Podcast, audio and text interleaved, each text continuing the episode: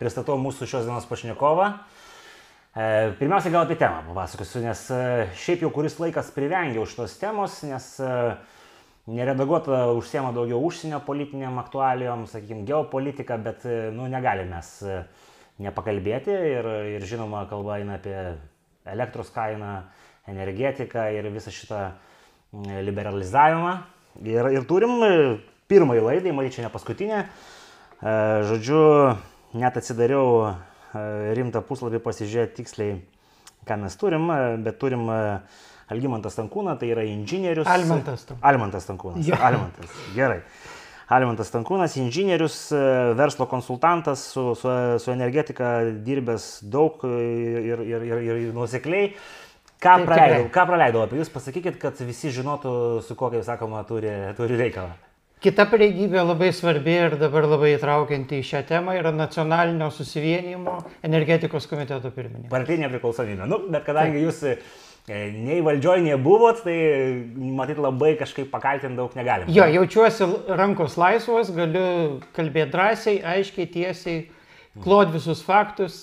Ok, nu tai pradėkim tada nuo tos stovyklos, kuri, kaip sakykime, gina gina visą šitą situaciją, kuri šiuo metu vyksta ir sako, klausykit, už lango karas, pažiūrėkit, kaip branksta dujos. Čia visai neseniai du mohikanai, neminėsim pavardžių, susikalė, vienas iš parašė straipsnį, tokį pakankamai, žodžiu, rezonansinį, kitas sako, nu čia prielaidos prastos, išvados sutapo, žodžiu, sakykime taip, valdžios palaikymo pusė sako, kad nu, čia viskas force majoras. Kaip jums atrodo nuo pat pradžių? Bet aš turiu kitą, kitą asmenį, kuris kaip ir visą laiką valdžios palaikymo pusėje, tai Dalius Misiūnas. Mhm. Jis buvo Lietuvos energijos e, vadovas, dabartinis mhm. Ignitis. Ir rūpiučio 10 dieną jisai aiškiai parašė savo įdaknygės profilyje. Vieša paslaptis, kad liberalizavimas pakelia kainas nuo 15 iki 30 procentų vartotojams. Ir tai yra jau išbandyta Ir pirmiausia, tai pajuto Junktinė karalystė, taigi yra jau istorija, yra faktai. Tai dabar jau turėtume sustoti manipuliuoti ir kalbėti, kad čia staiga šuolis, mes dabar nieko negalime įvertinti, galbūt yra geriau. Jisai pasakė, vieša paslaptis, dramblys kambaryje, ką darom. Mhm. Tiesą sakant, jis pridėjo, bet mes neturim kitos išeities. Ir, ir kokia ta kita išeitis ir kodėl mes jos neturim, jis dėjo to nepasakė. Jo, tai mes visą šitą nuodugniai aptarsim, bet tai jūs, e, aš tiesiog bandau tą kontekstą. Ar kontekstas šitoje visoje dėlionėje, kiek būtų galima jam priskirti procentaliai, žodžiu, atsakomybės? Nu, aš turiu meni, kad e, visgi dujos e, rinkoje drastiškai pabrango. Ar čia galima skirti 10 procentų, 50 procentų, 2 procentus, kaip jums atrodo? Priklauso šitas augimas nuo šalies ir e, nuo to, kiek kurioje šalyje yra pigių energijos gamy, gamybos šaltinių. Mhm. Nes esminė e, elektros rinkos liberalizavimo problema yra užkoduota biržoje, jos veikime. Biržoje kaina kiekvieną valandą yra nustatoma pagal brangiausią gamintojo kainą, kuris reikalingas patenkinti poreikį.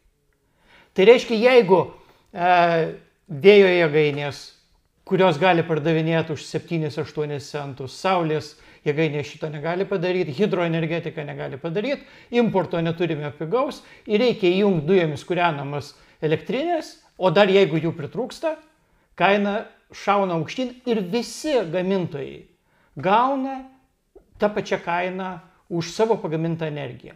Ir ta kaina yra maksimali. Tai yra vartotojams pats nenaudingiausias scenarius. Žinau, tokie, tokie kaip Kronis džiaugiasi. Tokie kaip Kronis džiaugiasi ir jis kartu labai keistai elgesi.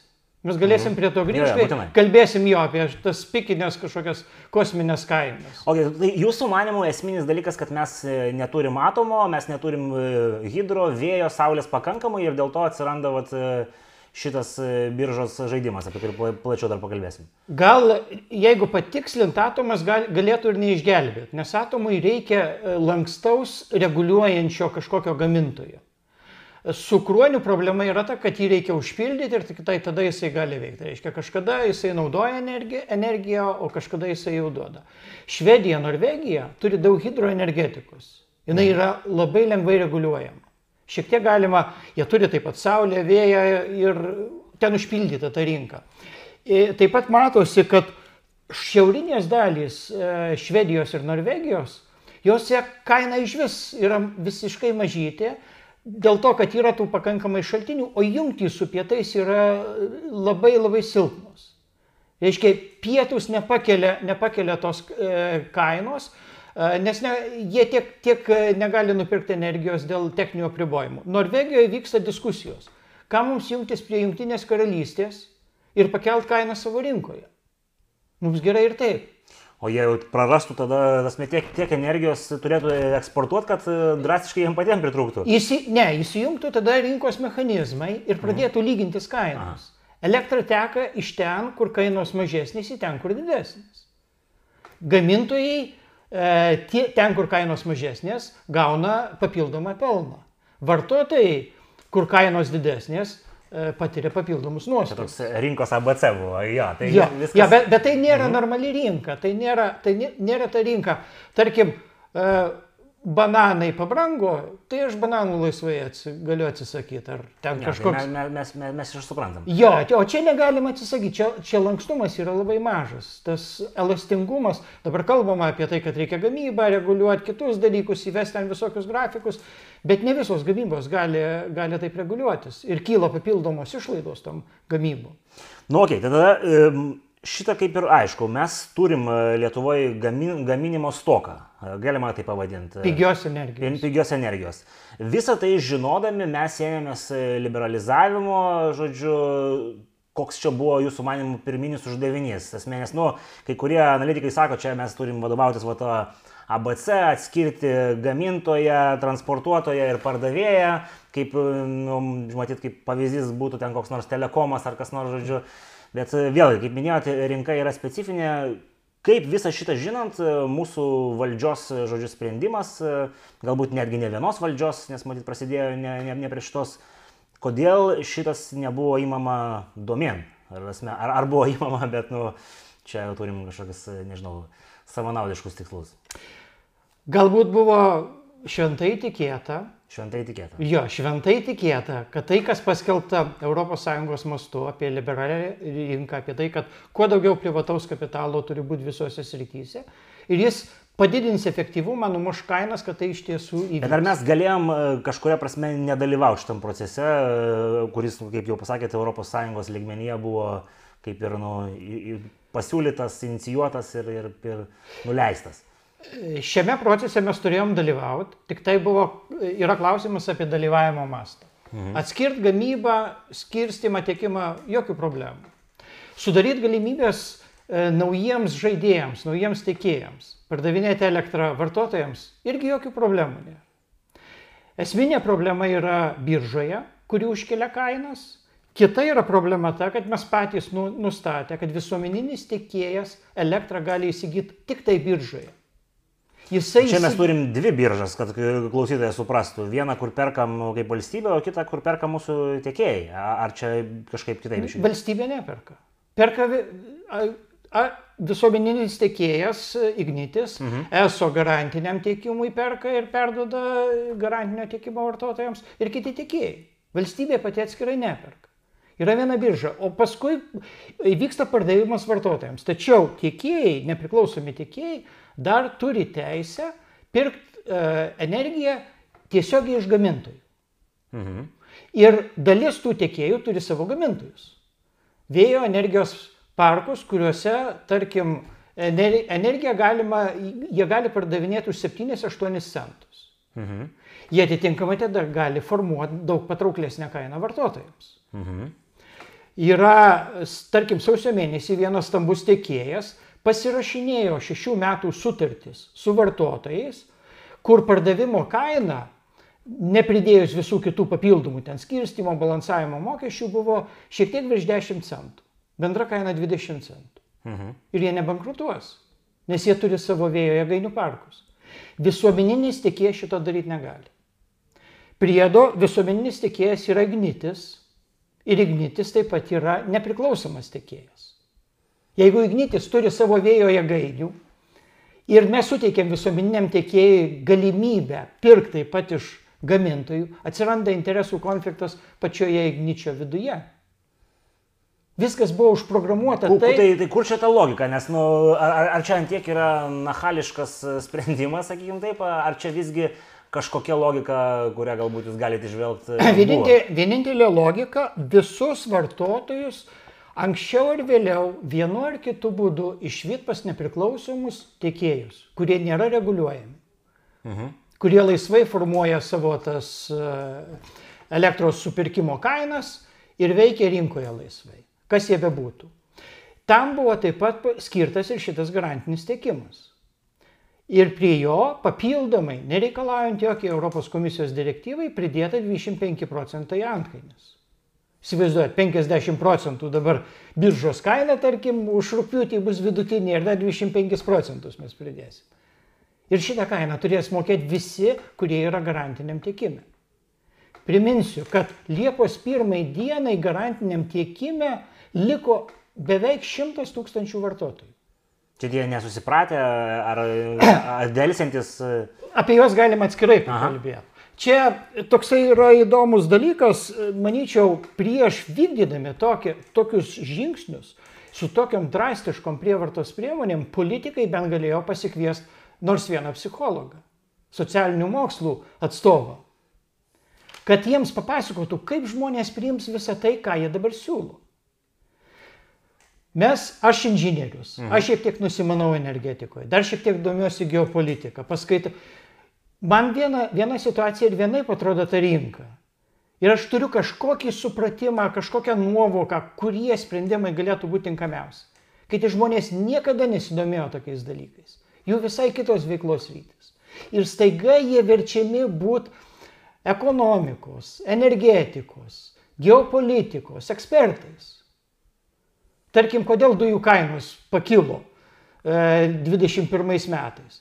Pasirodo, pavasarį 40 anglies kasyklų Kinijoje užlėjo potviniai. Jiems pritruko anglių, jie pradėjo gabenti dujas. Kokie dalykai, jie vyksta visame pasaulyje ir visą tai atsirito pas mus. Paskui Putinas, aišku, įjungė savo šantažo dar mechanizmus. Čia mes jau grįžtam prie to, nuo ko pradėjom, kad visgi, visgi kontekstas, Jo. e, Ir kontekstas žmo- yra. Taip, taip žmonės visiškai, jie, visa, jie žinojo, energetika specifinis dalykas. Valstybė, politikai rūpinasi, kad pirmas dalykas, jinai būtų patikima, tai visa gamybos sistema nepritrūktų, nenutrūktų ir kad jinai būtų vystoma optimaliai. Nu, bet suprant, pagal, ši, pagal šitą principą daug kas kažkada buvo valstybinio ir vėliau tapo nevalstybinio. Tai jau vien šitas faktas, nu, jis nėra kažkoks atskaitos taškas, kad čia kažkas bus blogai. Nes, nu, teoriškai gali būti ir gerai, žodžiu, kai... Taip, jeigu, jeigu tai yra normali rinka, jeigu jinai yra elastinga, jeigu vartotojai turi galimybę atsisakyti, pasirinkti kažką kitą, e, alternatyvas, jeigu tie e, pasiūla greitai gali keistis pakankamai. Čia pasiūla tai greitai negali keistis. Netgi įsijungtos elektrinės, kai pritrūksta elektros, jos negali labai greitai, šiluminės elektrinės. Jom reikia 12 valandų, kad pasileis didelę elektrinę, kuri šalta stovi. Mhm. Įsivaizduojat kokią situaciją ir staiga į tai įvedama kiekvieną valandą, turi planuoti, paleisti, išjungti, kažką daryti. Netgi techniškai ta rinka sunkiai gali veikti. Vokietija, Prancūzija, didžiulės rinkos, daug gamintojų yra reguliuojama. Ten šiek tiek yra kitaip. Atmetus tą, tą įdingumą biržos veikimo, kuris užkelia kainas. Bet pati, pati rinka yra kitokia. Jinai, jinai nepritaikyta uh, laisvai liberalizavimui. Gali manęs kažkas paklausti, ką dabar grįžtam į sovietinius laikus, e, jokio privataus kapitalo, viskas vėl valstybės rankose. Ne, yra, yra puikiai išeitis. Mes turime e, atsinaujinančių energijos šaltinių vystymą. Vėjo parkai ir saulės elektrinės. Ir jiems anksčiau buvo skelbiami konkursai, kad gauti licenciją tam vystytojui, kuris paprašys e, mažiausio remiamo tarifo. Mhm. Tada buvo projektai brangus, reikėjo pakankamai nemažų supirkimo kainom, kad jie atsipirktų, kainos rinkoje žemos ir suprantama, niekas nebūtų investavę. Bet dabar tie tarifai jau yra maži. Viskas sumažėjo. Aš galiu pasakyti štai faktus. Jungtiniai karalystiai įvyko konkursas dėl to, kas pasiūlys e, pardavinėti pagamintą energiją 15 metų fiksuotą mažiausią kainą. Jūrinės vėjo jėgainės toje kategorijoje didžiuliai galingumai laimėjo e, vystytojai, kurių kaina 5,4 cento už kWh. Tik 5,4. Mhm. Gerai, sakykime, ten Šiaurės jūra, dideli vėjai, štormas, gal mhm. Baltijos jūroje nebus 5, 5 centų, bet gal bus 6-7. Mhm. Kas čia blogo? Saulės, e, saulės jėgainės, kur ne pati saulėčiausia Junktinė karalystė šalis, turim e, irgi 5,5 centų. Sausumoje šiek tiek ten aukštesnė kaina. Ir štai vat, jie varžosi, ten yra rinka. Visi ateina investuotojai, jie žino sąlygas, jie puikiai išmano technologijas, jie turi tam tikrą lankstumą vykdytos projektus. Aš esu dirbęs su ne vienu projektu energetikoje ir žinau, kiek yra sudėtingas technologinių projektų įgyvendinimas, kur yra vienetiniai įrenginiai. Mhm. Viešiesiems pirkimams nėra taip paprasta tai padaryti lankščiai, greitai ir pačio, pačiais mažiausiais kaštais. Privačios įmonės čia turi tam tikrus privalumus. Viskas gerai.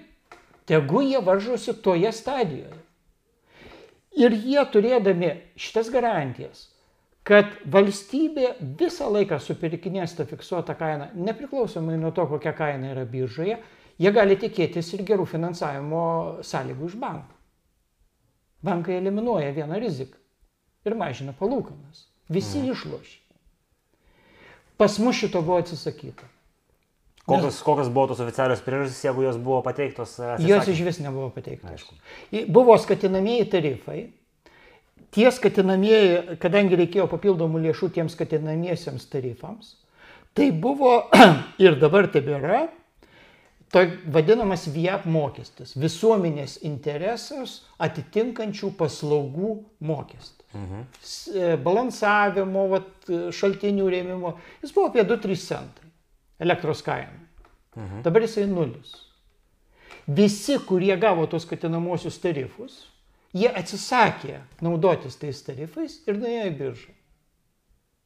Ir jeigu ten E, gaudavo tą, tą skatinamą į tarifą ten 8, 9, 10 centų, dabar jie pardavinėjo 50 centų. Viskas seniausiai greičiausiai atsipirko. Mes patys iš pradžių rėmėm ir visi elektros vartotojai parėmė, kad atsirastų tų projektų jau anksčiau ir gerai darėm, nes dabar iš karto juos, jiems reikia laiko išvystymui. O dabar mes netgi negalim atsimti to savo paramos. Tai dabar įsivaizduokim. Ką jūs turite minį, negalima simtas, mes... Jo. Kaina yra užkelta ir mes... Ne... Jie dabar visi pardavinėja biržos kainą. Mm.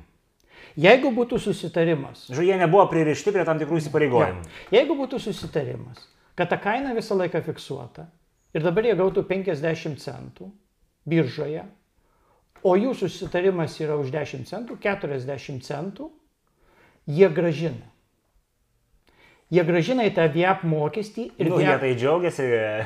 jie dabar džiaugiasi. Jie dabar džiaugiasi, nes jiems taip leista elgtis. Bet jungtiniai karalystėje vykdant tuos konkursus, taip yra numatyta. Reiškia, tie 40 centų nuo kiekvienos kilovatvalandės, pagal, tarkim, dabartinę kainą, mhm. mažina VIAP mokestį. Jis pasidaro neigiamas. Aš nežinau, kiek jis dabar galėtų pas mus būti, bet jis turėtų jau žymus būti, nors tos atsinaujinančios energetikos nėra daug. O kiek jinai pas mus užima rinkoje maždaug e, kokią dalį? Jinai e, gamyba yra apie 15-20 procentų. Bijau mm. dabar mm. tiksliai, gal, gal kažkiek klystų, nežiūrėjau paskutinių skaičių. Bet šiuo metu yra planuojamas 700 MW vėjo jėgainių parkas Baltijos jūroje. Bet kada jis atsiras, jeigu jis šiuo metu planuojamas? Jo, jisai, jam reikės laiko. Aš sutinku.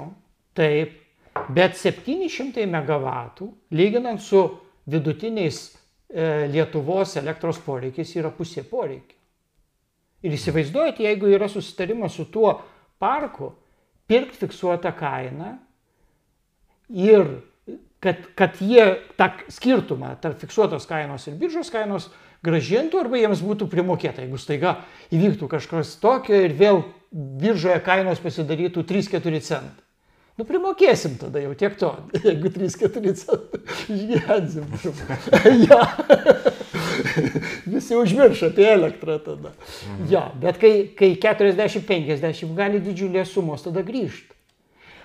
Apie šitą mechanizmą puikiai žino energetikos ministras, puikiai žino specialistai. Man teko girdėti neoficialios informacijos, kad energetikos ministro atsakymas buvo, reikia padaryti studiją, svarstysime. Nu, toks labai, sakykime, ap, apgulnus atsakymas. Ja. Visai tinka. Ja. Jeigu jis net pats asmeniškai sumokėtų už tą studiją, aš sakyčiau blogai, nes mes prarandam laiką. Mhm. Konkursas investuotojams e, vėjo jėgainių parkui Baltijos jūroje numatomas keltrudinį. Čia pat. Nauji saulės parkai, nauji vėjo parkai nuolat atkeliauja. Dabar beprotiškas vyksta investavimas, nes atsipirkimas yra žaibiškas. Kas tik gali, kas tik sugeba, kas tik gauna kažkokių lėšų. Nu, čia aišku, nesinori dabar nueiti tą samokslo teoriją, kodėl tai vyksta. Aišku, visi, visi, visi gali čia tas prielaidas pasidaryti, išvadas. Bet tai kokios dabar yra, sakykim, tai galimybės šitą mechanizmą, kurį mes turim, kažkaip tai nu, transformuoti? Ar, Ar čia viskas yra tik tai mūsų, dasme, vietinės lokalios valdžios sprendimų ligmenyje, ar mes e, visgi esame kažkaip susaistyti kažkokių procesų, kurie eina iš, iš ES? Iš dalies mes esame susaistyti, iš dalies mes turime tam tikras galimybės. Mhm. Tai viena galimybė yra šitas palaipsnis naujų tų gamybos pajėgumų įvedimas. Aišku, reikia laiko, kad pajaustume efektą.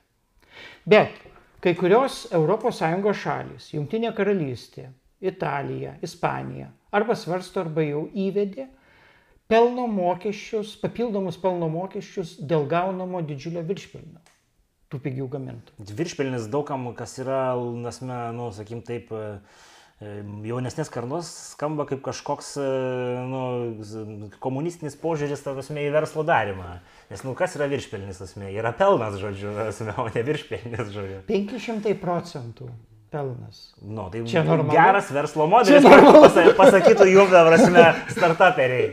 Jo, bet kai tas vartotojas neturi kito, kito pasirinkimo, tai yra tiesiog apiplėšimas tų vartotojų. Bet tai čia yra jau ne verslo problema, čia yra valdžios problema, kad jie socialinės atsakomybės nu, kažkokios nebalansuoja. Nu jo, bet Nes jeigu... verslui tai čia viskas yra gerai, žodžiu. Taip, taip, taip, bet jeigu jie pradės balansuoti iš valstybės biudžeto, tai mes vis tiek sumo... už tai sumokėsime mes padidinsime skolą valstybės. Ne, aš turiu minį balansuotų, tai ne tai, kad kompensuoti, bet nu, tam tikri saugikliai, kurie nu, neleistų turėti tokio pelningumo. Vat. Tai mes grįžom prie to paties. Tai taip, tai mes bandom išsiaiškinti jo, pusę. Jo. Bet kodėl aš pra, e, paminėjau štai šitą dalyką, viršpelnius. Tai vienas dalykas. Tai, didelius pelnus. Didelius pelnus. Gerai, tegu. tegu.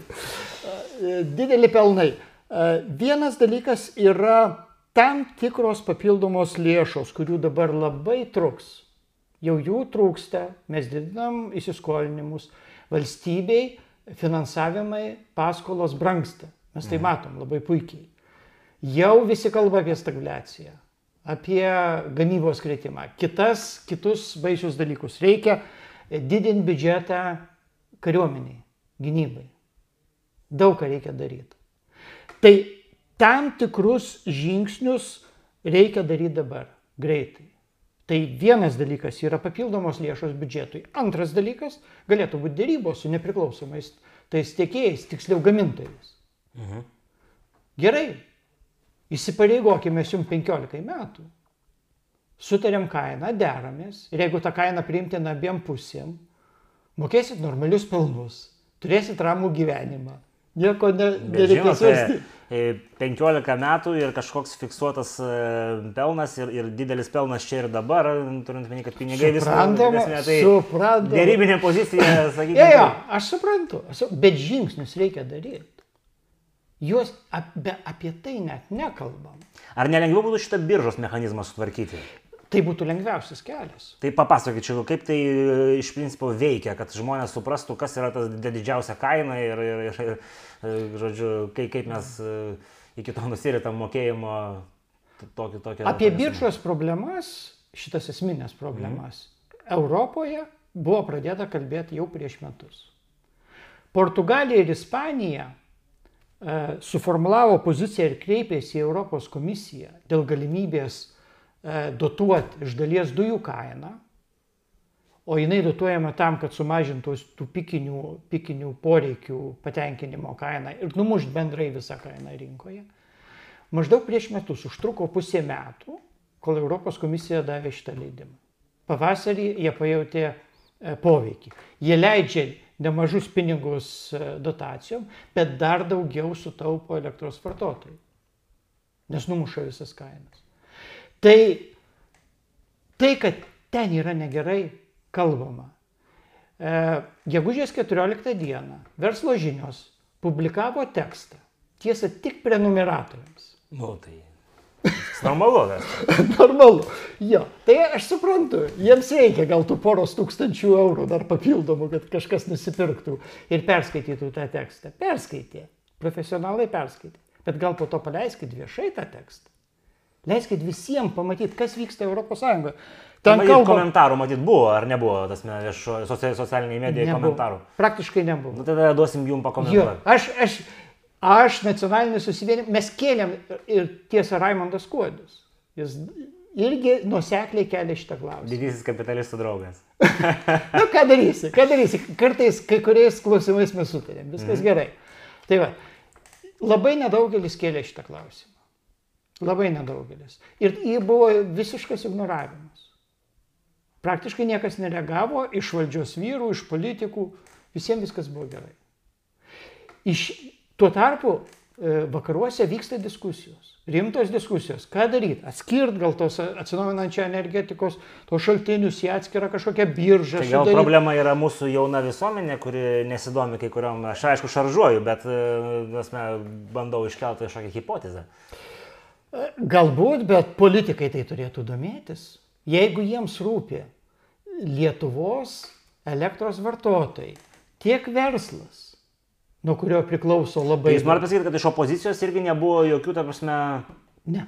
Nebuvo. Supratau. Nebuvo. Iš opozicijos buvo vienas e, esminis klausimas. Tai yra tų 25 procentų antkainio panaikinimas. E, Tos baudos. Taip, taip. Mhm. Šitą, šitą, taip, turiu pripažinti, šitas buvo keliamas. Kitų dalykų nebuvo keliama. Bet čia aišku tik 100 tūkstančių vartotojų, o kur tie visi kiti 2,7 ir 6 milijono, tai čia. E, Atsiminkime, kad po perlas energijos žlugimo tas kiekis greičiausiai padidės, ten 180 tūkstančių buvo. Jo. Įvyks, įvyks tokie dalykai. Bet e, dar prisiminkim, kad dalis gal nepasirinko to garantinio tiekimo, bet tai padarė su kandidantis. Nenorėjo jie kažkaip norėjo išlikti, bet privalėjo. Ir pasirinko, ir pikti pasirinko. Tai dar truputėlį pagrįžkim prie, prie biržos. Tai biržai, žodžiu, visi yra įpareigoti pirkti pagal, žodžiu, didžiausius kaštus turinčio gamintojo kainą. Tuo metu tą valandą. Kaip, kaip čia vyksta, tai biškai detaliau, gal galima kažkaip tai? Jo, prasideda siūlymai, e, pagal yra planuojamas tam tikras poreikis kiekvieną valandą paros bėgyje, kiekvienoje rinkoje - Lietuvoje, Latvijoje, Švedijoje, Lenkijoje, visur kitur. Ir tada prasideda siūlymai. E, aukcionai prasideda.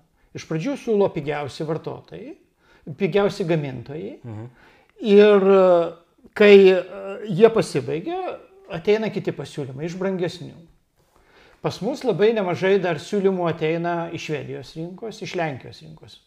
Gali iš Estijos ar net Suomijos, jeigu veikia mūsų tie ryšiai. Bet šie tie matyt nėra patys didžiausi. Jeigu aš suprantu, kainą dažniausiai mokam už ką? Už ten mazutą, už ką grubiai tariant, už anglies kuri, kuri ten ta brangiausia, žodžiu, energetika gauna. Jo, jo, jo, tai, bet e, aš prie ko grįžtu, kad e, jeigu pradeda pritrūksta tų pigių šaltinių. Vidinių ar išorinių, tada reikia jau prašyti e, pasiūlymų iš brangesnių šaltinių.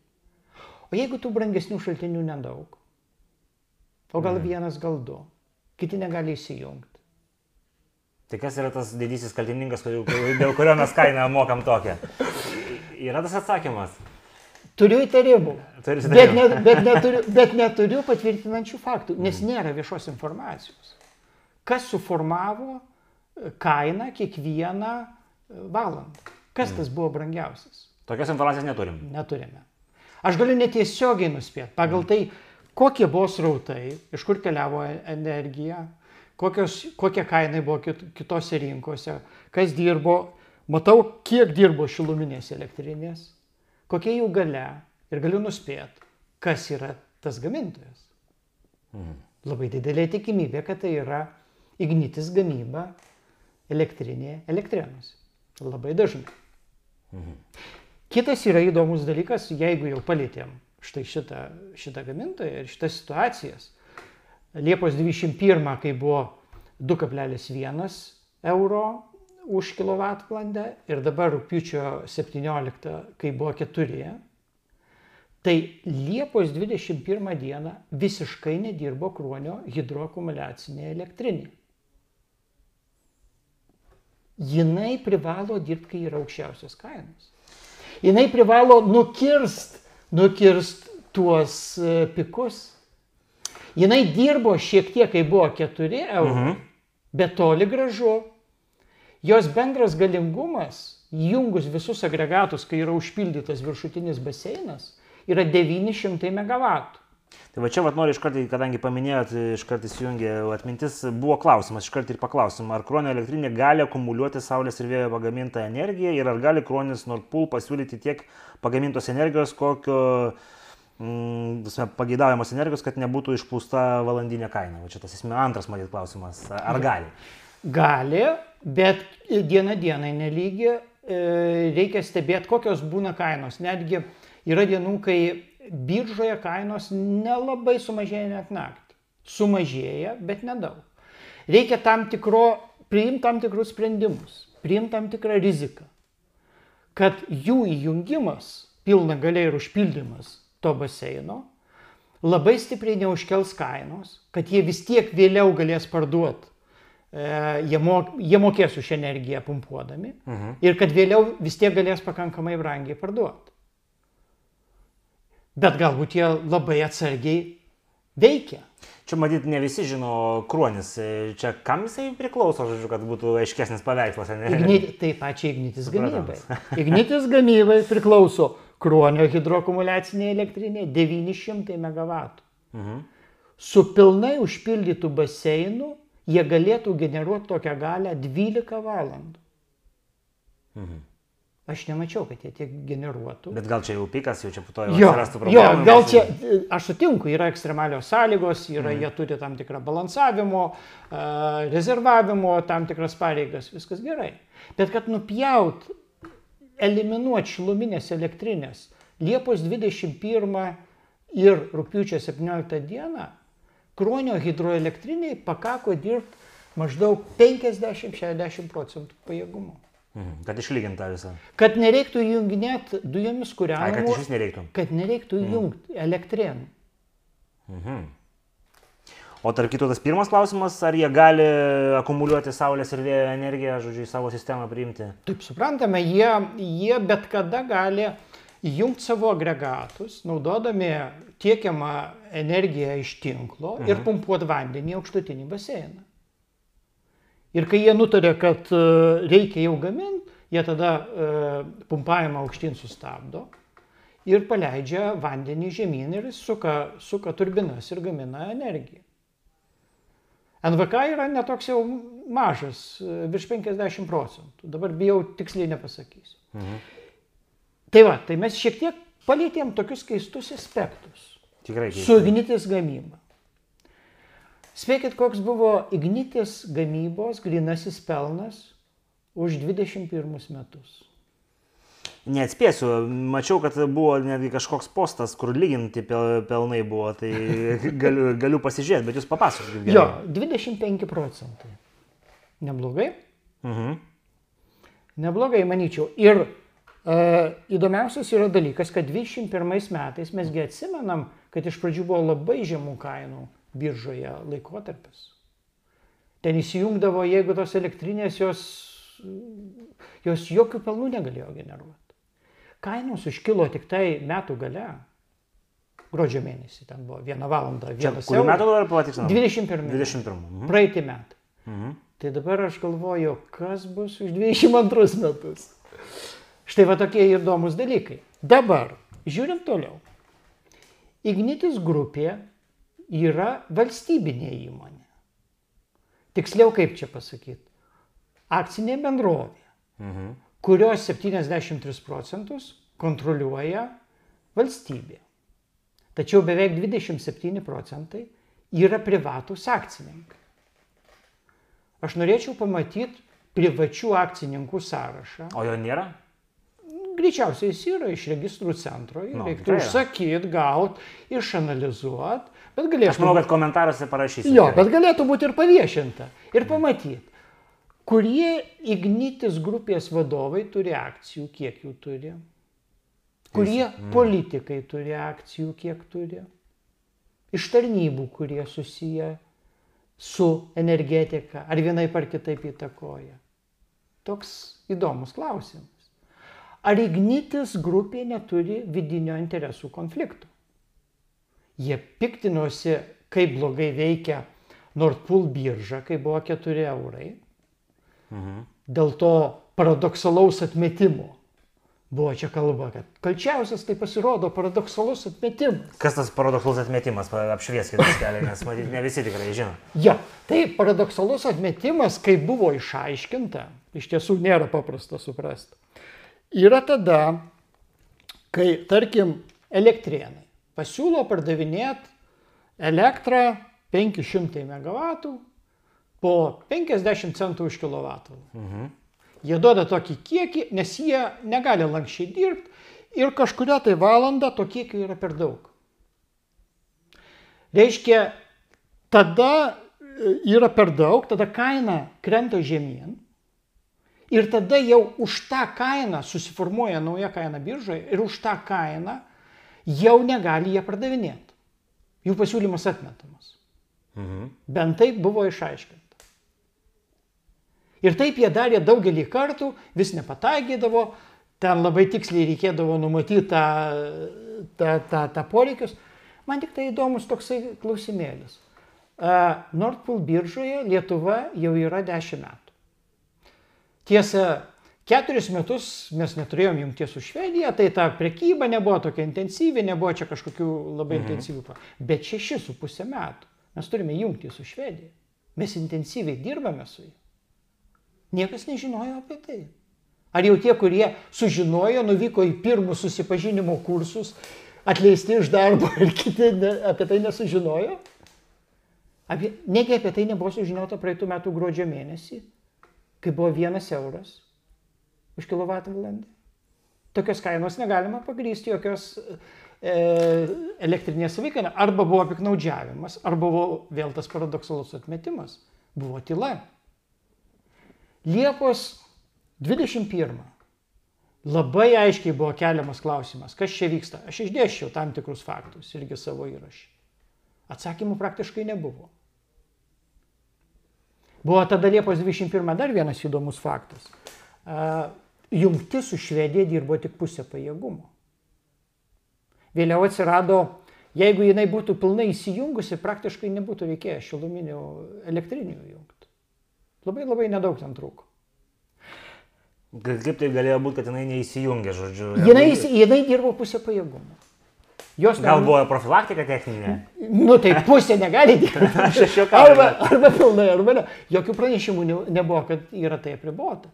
Vėliau e, pasirodė kažkokie pranešimai, kad dėl karščio liktai buvo apribojimai ir panašus dalykai. Palaukit. Rūpiučio 17 dieną buvo karšta, Bet apribojimų nebuvo. bet apribojimų nebuvo. Dirbo pilnu pajėgumu, beveik pilnu, 90 keliais procentais. Tai čia jau Renatas Pocius prasitarė, kad kažkas įvyko negero. Tačiau Liepos 21 dieną viešai nebuvo nieko kalbama. Po to eksceso nebuvo bent kelių puslapių aiškios informacijos, kas iš tiesų įvyko. Ko jie tikėjosi? Kad daugiau neįvyks? Nu, čia, čia daug dalykų. Kaip aš suprantu, problemos prasidėjo 21 metų pabaigoje. Taip. Tai jau vien šita data daug min, iškelia minčių, pa, pamastymų, žodžiu, nes nu, aš nenoriu nieko sakyti, bet Jo, jo, tai- mes suprantam. Tai susiję, jo, ge- geopolitiką galėsim palies, čia labai įdomus klausimas. Bet grįžkim dar kartą prie Ignitis gamybą. Mhm. Ignitis gamyba turi vidinį interesų konfliktą.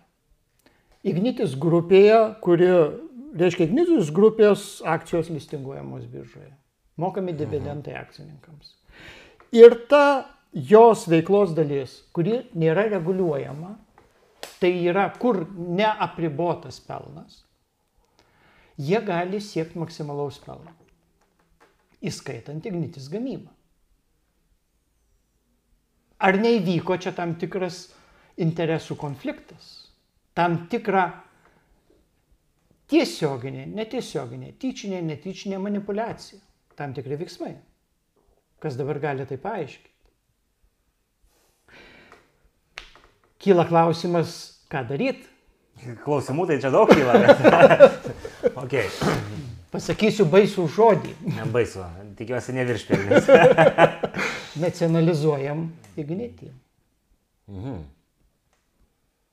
Nu, gerai. gerai iš pradžių bet, atskirkim tai, kas nėra. Bet, bet žiūrėk, aš paklausiu taip ko, iš, iš, iš kontekstualiai. Kitos mūsų regiono valstybės, kurios jau minėjot, kad valstybės dydis labai sme, įtakoja, nes daugiau gamintojų, nu, bet tarkim, nežinau, ten e, Čekija, Slovakija, ten kas čia dar, žinai, kokia nors ten iš tų mažesnių ES valstybių, kurios galbūt vat, neturi daug gamintojų, kaip mes, vat, lyginant su juom atrodom. Aš nekalbu apie Latviją ir Estiją, nes kaip suprantu, čia yra juodoji skylė, žodžiu. Bet Estija vis tiek biškai geriau laiko. Estija, Estija geriau, jie turi e, stiprius ryšius su Suomija mm. ir tai jiems padeda, Suomijoje stipri rinka. E, Latvija ir Lietuva praktiškai yra viena rinka, nes yra labai stiprus ryšiai su, su Suomija, o tarp Latvijos ir Estijos yra silpnoki. Mm. Mūsų su Lenkija irgi nėra labai stiprus, nėra labai stiprus su, su Švedija. Mes gaunamės vieną rinką, pakankamai mažą rinką kokia ten situacija, dabar bijau pasakyti, ne, nenagrinėjau kiekvienos šalies atskirai, kiek užmesdavo akis, e, akį, reiškia, Skandinavijoje gerai, neblogai, ypač Švedija, Suomija. Kur dar blogai yra, tada paklausiu taip. E, labai įvairiai, labai įvairiai, kartais Šveicarijoje blogai būna. Mačiau, bet ten nebuvo ten euro 40 centų. Kažkurio, kažkurio metu iššoka tos kainos, kažkiek pakyla, kažkiek sumažėja, vyksta tam, tik, tam tikros fluktuacijos, apibendrinimui reikia tiesiog daugiau, daugiau tos informacijos, rimto labai analitinio darbo.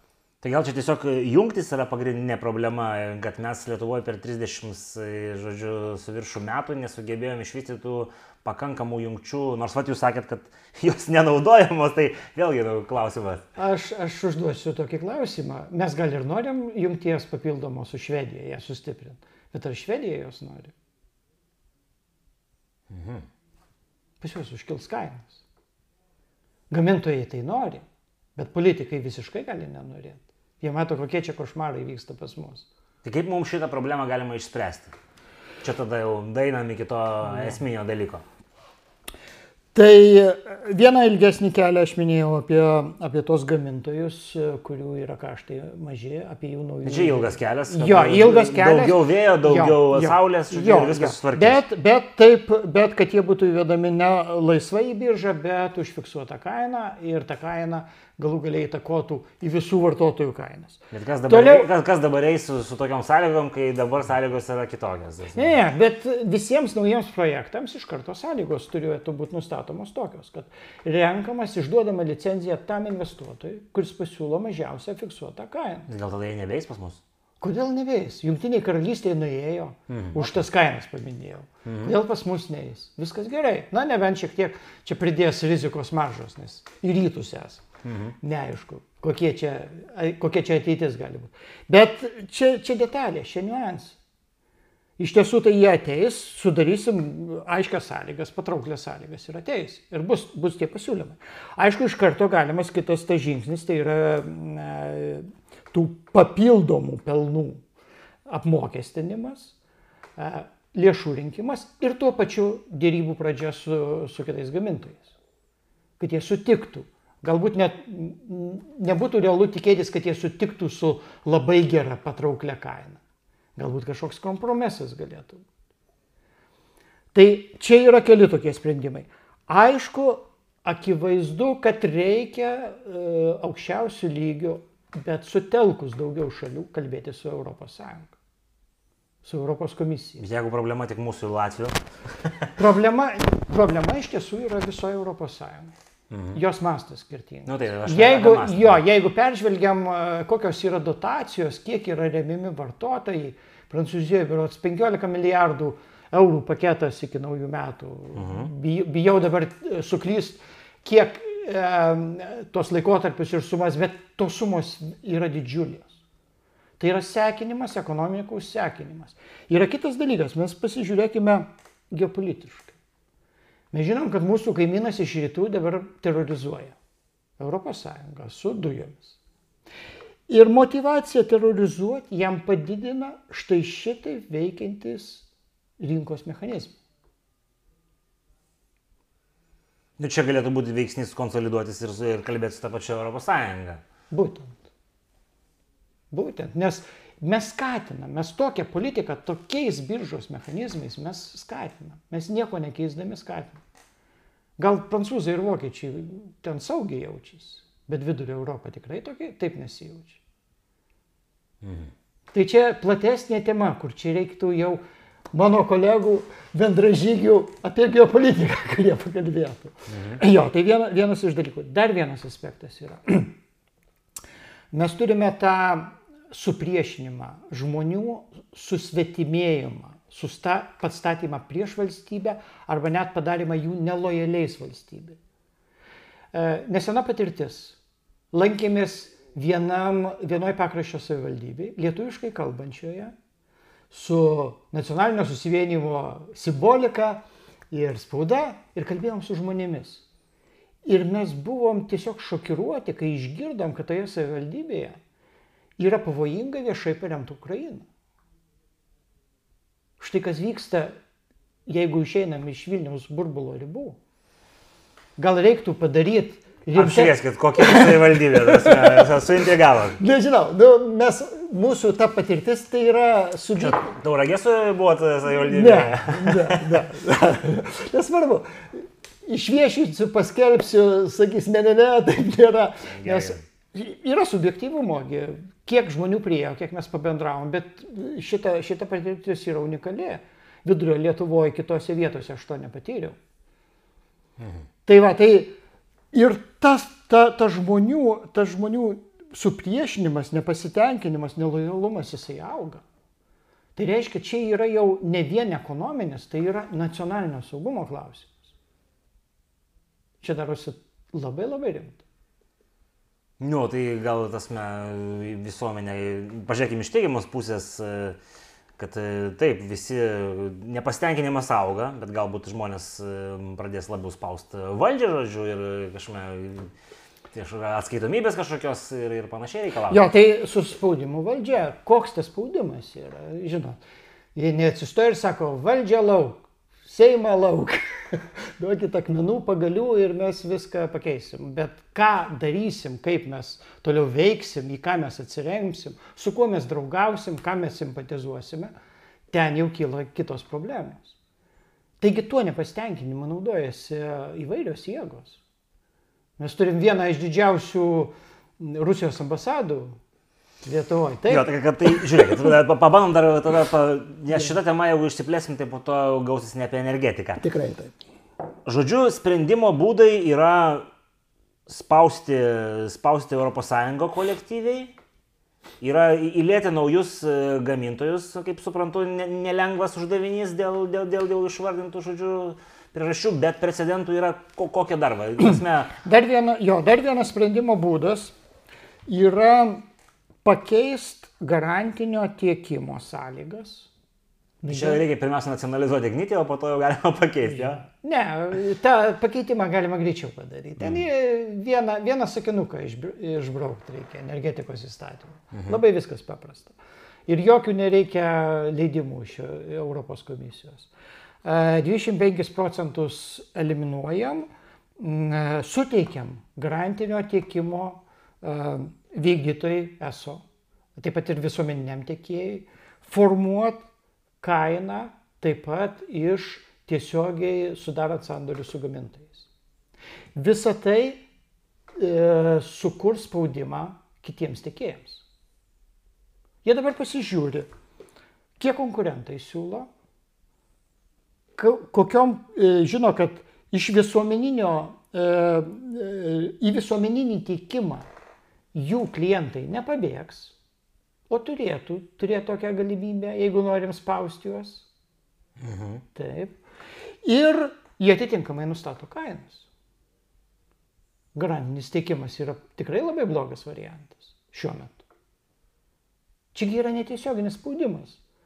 Ir viso valstybės, valstybė turi įrankius, kuriais jie gali tai padaryti. Ir jeigu tie tiekėjai turi savo vėjo jėgainių parkus, jie turi galimybės mažintas kainas. Labai greitas sprendimas. Bet griūna visas, visas planas. Nelieka prievartinio išvarimo pas nepriklausomus tiekėjus. Toliau veikia, e, reiškia, valstybinis tiekėjas. Iš karto reikia panaikinti bet kokius apribojimus, kad garantinis tiekimas gali būti vykdomas tik šešis mėnesius. Dabar yra įrašytas toks įstatymė. Europos komisija šito nereikalavo. Ar girdėjom versijų, kodėl mes tokį įrašėm?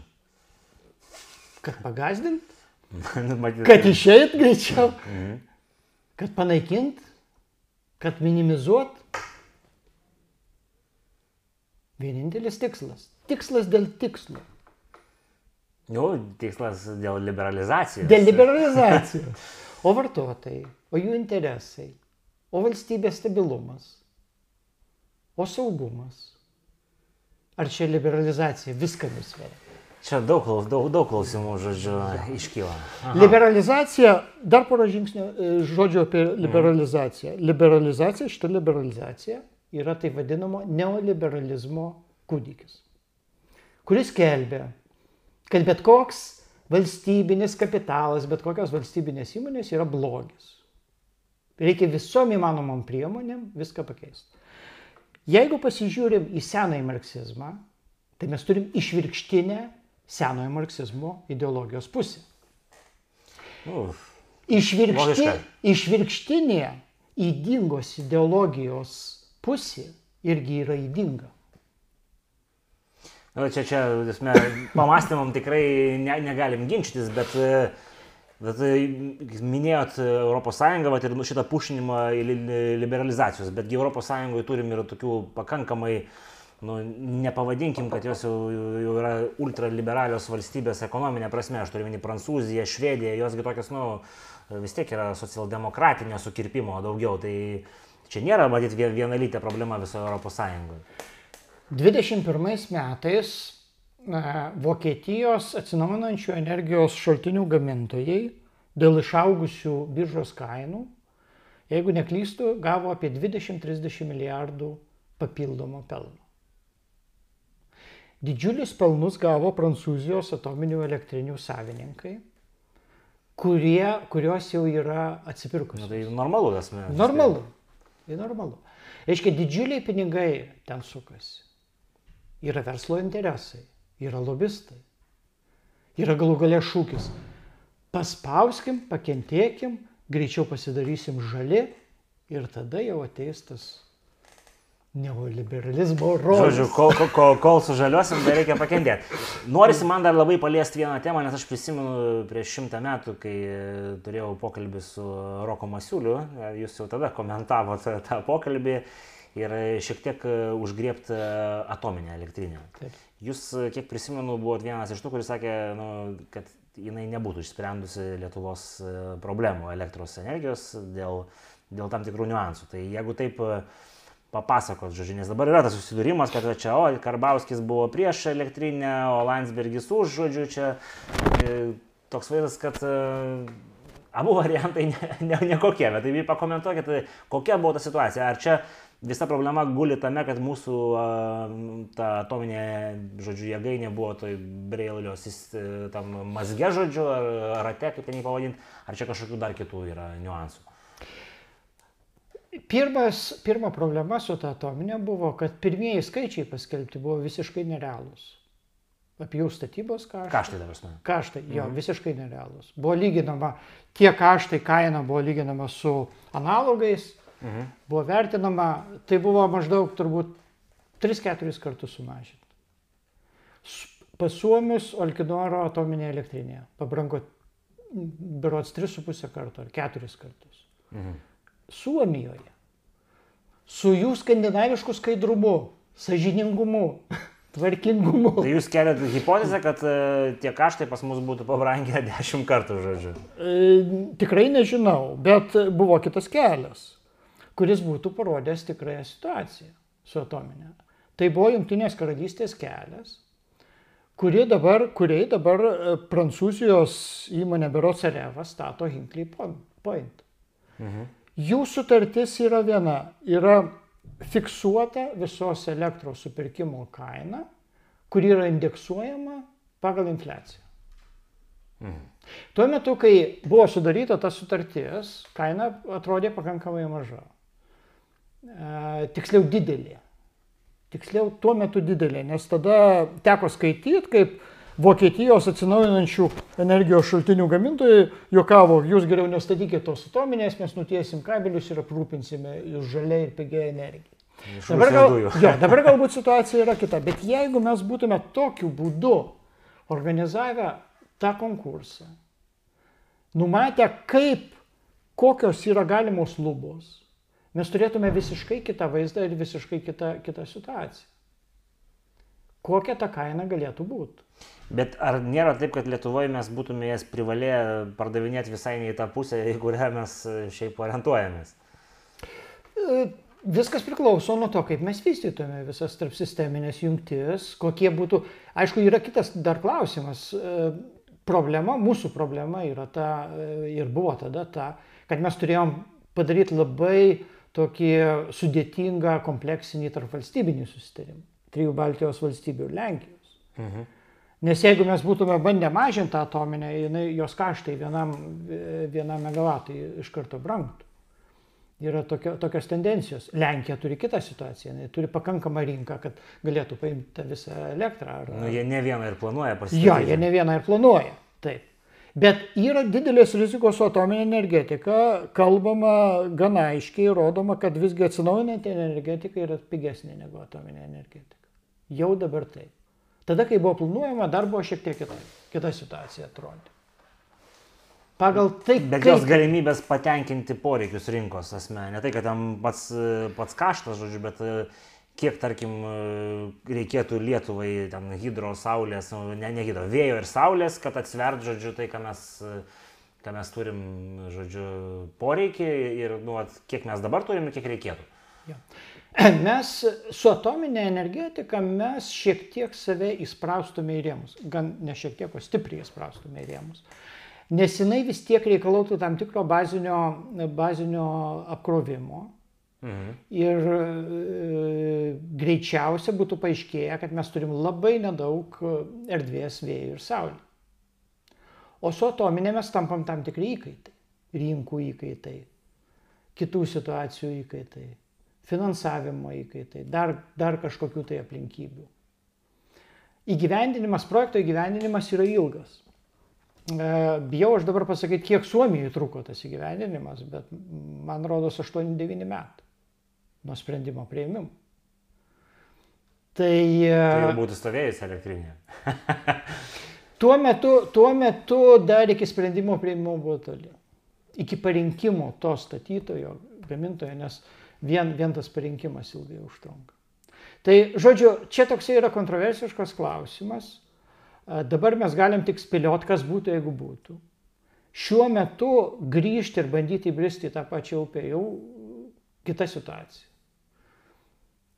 Turim vystom kitas galimybės. Mūsų kaimynai vysto, tarkim, Latvija labai, labai turi ambicingų planų dėl vėjo energetikos. Yra, yra įvairių žingsniai daromi. Bet jie matyti savo pakrantę nori utilizuoti. Jo, jo. Bet, bet yra dar kitas dalykas, tai mes turime aiškiai žinoti, kaip tai veiks birža. Jeigu toks gamintojas atsiranda, kaip jisai pakeis, kaip susimodeliuos viskas. Mes negalim įvedinėti, daryti tokių didžiulių investicijų, įsipareigoti visą, visa valstybė, visi jos gyventojai įsipareigoti tokiam projektui, nežinodami, kaip bus tai reguliuojama. Nu, bet hipotetiškai, jeigu dabar mes būtume turėję veikiančią atominę elektrinę, vad kaip jums manimu, nu, tai jinai jau būtų vis tiek pigesnė už elektrėnus, elektrėnų galėtume nenaudotas, tai vartotojui būtų palankiau. Jo, tada, tada turėtų būti išnaudojama labai stipriai e, kruonio e, hidroakumuliacinė elektrinė. E, turėtų būti stiprinamos jungtys, galbūt, galbūt pavyktų. Galbūt pavyktų. Kokia kaina, va čia va kitas yra toks labai, labai slidus, labai sunkus klausimas. Įsivaizduokime, vyksta sudėrėję kaina, ten, tarkim, nežinau, 15 centų už kilovatvalandę. Mhm. O prieš pusantrų metų biržoje kaina ten 3-4 centai. Mhm. Kokios vyksta, kokios įtampos vyksta. Ir, ir mes dabar nežinom, kiek laiko iš tiesų šita situacija bus. Viskasgi gali labai greitai išsispręsti ir pasikeisti. Labai daug kas priklauso, kas, kas vyks rytuose. Kokie bus sprendimai e, Europos Sąjungoje dėl biržos, dėl reguliavimo. Galbūt ten bus taip pakeisti sprendimai, kad švedai sakys viskas gerai, statom kitą, kitą jungtį į Švediją. Mes turim galimybę apsaugoti savo rinką ir duoti jums pakankamai pigios energijos. Bet su tokiu biržos veikimu jūs prognozuojate, su... kad to nenutiks. Jo. Jo, su tokiu, su tokiu biržos veikimu faktiškai neįmanoma priimti tokių sprendimų, ypatingai dabar, kai yra užaugę finansavimo kaštai labai stipriai. E, labai neaiški situacija, ilgalaikė situacija. Esmė finansavimo energetinių projektų statybos. Jo, bet kurie, taigi visos, visos, visi, visi skolinimai įsibrangsta. Valstybėm brangsta, jo labiau privačiom įmonėm brangsta. O jeigu mes norim garantuotų kainų, tos įmonės, turi, ta, tas statytojas uh, ima, turi jiem didžiulės paskolas iš bankų. Ir, ir palūkanos yra pakankamai aukštas verslui nevartojamo paskolos, bet vis tiek aukšta. Žodžiu, tą laiko langą praleidom, kai, kai buvo galima, tasme, pigiom kainom statyti. Kitu, kitu keliu mums reikėjo eiti, kitaip reikėjo sutvarkyti visą procesą, padaryti į skaidrų ir aišku, kad mes aiškiai matytume, už kokius pinigus mes gausime elektrą, kad būtų garantija iš patikimo tiekėjo. Tada būtų visiškai kita diskusija. Dabar yra vien spekulacijos. Nu, žinot, spekulacijos yra neišvengiamas tas, tas politinio žodžiu, žaidimo elementas. Tai Sutinku. Viskas aišku. Žiūriu dabar į tuos klausimus, kuriuos mes čia dar gavom. Matau, kad mes jau didžiąją dalį jų, mm, žodžiu, kaip ir atsakėm. Aš dar dėl tų tarpininkų šiek tiek noriu paklausti, nes irgi čia buvo, kad jie, nu, jie nu, sąlygos jiem atsirast buvo tokios pakankamai jokingos. Kaip, kaip jūs manot, žodžiu, ar, ar kriterijai, kurie buvo keliami tarpininkam, ar čia nėra kažkas įdingo va šitoje vietoje? Tai iš tiesų buvo didžiulis. Kapitalas, žodžiu, ten ir, ir, ir, tasme, ir, ir, ir kiti niuansai. Jo, manyčiau, buvo labai neatsakingas valdžios elgesys, suformuojant sąlygas tiems tiekėjams atsirasti. Taigi tų tiekėjų jau buvo pakankamai kitose šalyse. Ir buvo bankrotų, ir buvo visokios patirties. Ir galima buvo jos pasisemti, ir pasižiūrėti, ir įsivertinti. Ir įdėti tam tikrus saugiklius. Ir sėkimą, ir, ir garantijas finansinės, ir kitus dalykus. Aplaidumas. Aplaidumas, nežinau, ar aplaidumas, ar, ar šventas įsitikinimas, kad viską rinka sutvarkys ir, ir privatus verslas tikrai nedarys e, blogų sprendimų. O gal tas požiūris, kad mes patys kalti, blogai pasirinkom. Nu jo, požiūris yra įdomus. Gerai, ar mes dar kažką praleidom, pagal asmenį tai, ką jūs e, šitoje temoje besidomėjęs e, turit e, pasakyti tokio svarbaus, nes vis tiek klausimai yra klausimai, bet gal dar kažkas jo. yra. Tokio. Aš šiek tiek noriu reflektuoti savaitės apžvalgą. Šį savaitgalį buvo. Nustebino. Čia patikslinkim, savaitės apžvalga, tai čia publi... Panelės Publickaitės. Panelės Publickaitės. Taip. Gan, gan maloniai nuteikė e, netikėtai tokia kritiška vedančiosios pozicija. Mhm. Geras klausimas apie biržą. Ir labai nustebino eurokomisaras ponas Inkevičius. Aš spėjau, kad nustebino iš blogosios pusės. Jo, jis įsisuko nuo to klausimo. Mhm. Jis apėjo tą klausimą. Jis kalbėjo apie visiškai kitus dalykus. Jūsų manimų priežastis, jis tiesiog e, negalėjo pagal Europos e, visme, komisijos liniją, ar, ar, ar čia politiškai jam būtų dividendai menki. Turbūt e, vienas dalykas buvo akivaizdu, kad pradėjus atvirai kalbėti apie tokius dalykus, e, Lietuvos valdžia turės labai stipriai reaguoti, labai greitai reaguoti. Nes mhm. jo pasakytų žodžių jo nebus galima ignoruoti. Antras dalykas, grįž kažkaip tai tas, tas jo pasisakymas grįžtų į Europos komisiją. Europos komisijos lygmenyje tas klausimas apie biržos įdingą veikimą kol kas nediskutuojamas. Jis diskutuojamas žemesnių institucijų lygmenį, vairių analitinių centrų, atskirų mhm. ekspertų lygmenį. Iki politinio lygmenio jis nepakeltas. Nu bent jau nevokalizuotas. Bent nevokalizuotas. Galbūt mhm. vyksta tos diskusijos. Mes nežinome. Galbūt jis tiesiog bijojo įsišokti. Nu, e, galbūt e, jeigu jo vietoje būtų kas nors kitas, aš nežinau, Tomas Tomilinas atstovavęs partiją, galbūt jis iššokęs, nes nu visgi pareigos įpareigoja tasme. Jo, nu, yra tam tikra atsakomybė, aš manyčiau, jis nu, turėtų turėti tam tikrą stuburą ir, ir tam tikrą drąsą. Jeigu po kilimu auga kažkas jo, bet, tokio, bet, tai bet, anksčiau ir vėliau. Nu, tai taip, bet koks stuburas, jisgi yra komisijos pareigūnas, komisaras, tai mes jį suprantam, kad pirminis, pirminis jo interesas ginti komisijos, žodžiu, politiką, o ne valstybės. Jisgi... Bet čia yra faktai. Čia yra faktai, čia nėra interpretacijos, čia yra tiesiog grinas, plikas faktas, kuris tampa vis akivaizdesnis ir akivaizdesnis visoje Europos Sąjungoje. Gal su jūsų pagalba mes Lietuvoje pradėsim dėl to. Kadencija, tai kadencija gal kai baigs gerbiamas komisaras, tada labai tas nuodugniai kalbės, čia būna tai. Ja, ja.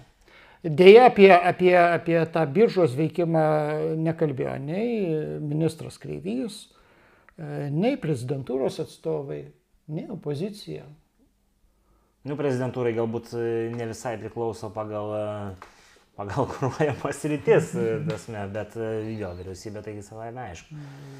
Nu, kasgi save kritikuos patys, žodžiu, bet įdomesnis dalykas yra, kad jūs minit, kad opozicija detaliai nenarsto šito reikalo po, po kaulelį. Mane nustebino e, Delfi e, pasisakymai tiek Karbauskio, tiek, tiek Butkevičius. Karbauskis kritikavo vėjo jėgainių parką, Butkevičius kalbėjo apie akivaizdžius dalykus dėl, dėl garantijų iš nepriklausomų tiekėjų. Bet tada prisiminkim tokį dalyką. Energetikos įstatymas su 25 procentų antkainių garantiniam tiekimui buvo pasiūlytas Kvernelio vyriausybės. Už jį. Bet, bet prie ko Butkevičius, ar prie Butkevičiaus valdymo tos iteracijos jau buvo prasidėjus šita, šis mechanizmas? Ar... Butkevičius šiuo metu su Skverneliu. Supratau, nu ja, logiška. Čia reiktų, reiktų tiesiog pasakyti, nu kaip, greit reset padaryti. Politika. Atsistoti ir pasakyti, klydom, reikia peržiūrėti iš esmės, iš naujo. Dedam baltą lapą, rašom iš naujo. Žinom, kad negalim iš karto visko pakeisti, visko padaryti. Bet aiškiai parodykim visuomeniai. Bet kuris žmonė... politikas pripažins, kad jis klydo. Čia nu, yra toks... Aš labai, labai gerbčiau tokį politiką. Ar mes turim tokių precedentų? Lietuvoje labai daug. Tas, ar bent jau vieną jūs galite kokį paminėti? Sudėtinga, sudėtinga. Už tai turim tokią politiką. Supratau, tai kas jūsų manimų realiausia, kad dėsis artimiausių metų? Gal tada pabaigim taip, žodžiu, prognosiškai.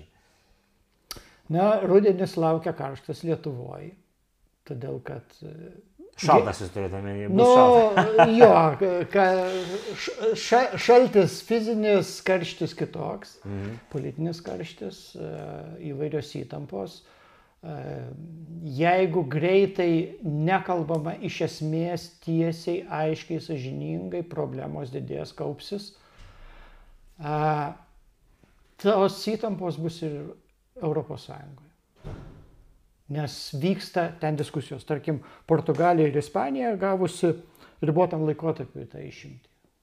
Jinai baigsis kažkodėl ne. Jinai baigsis, jo. Mm. Iš karto suprantamai nenorės grįžti prie tų kainų. Jie, jie kažką darys, visi galbūt tikėjosi, čia greitai spręsim, su dujom susitvarkysim, kainos nukris ir mm. bus business as usual, kaip sako. Mhm. Bet taip nėra. Ir visi dabar kalba, kad čia iki 25 metų bent e, kaip minimum visą tai gali. Tai žodžiu, bręsta, kad biržos tą veiklą reiks. E, jo, jo ir, e, ir labai prastai atrodys Lietuva, jeigu visi kalbės, kalbės, visur mes esame pionieriai, pirmi, daug ką padarom tarptautiniai rinkai, o čia staiga paskutiniai, kai tai liečia mūsų, mūsų pačių interesus. Labai tiesiogiai. Kiekvieno iš mūsų. Nu gal dar, sakoma, apsivers e, tas visas mechanizmas, žodžiu, dainelė turiu menį. Pakvieskime politikus. Supratau. Tai, žodžiu, kažko labai pozityvaus negalit pridurti pabaigai. Visi, visi, visi tokie sukrėtimai, visi tokie suspaudimai. Grūdina, kas, ne, kas, ne, kas ne, nenužudo, tas užgrūdina, jo.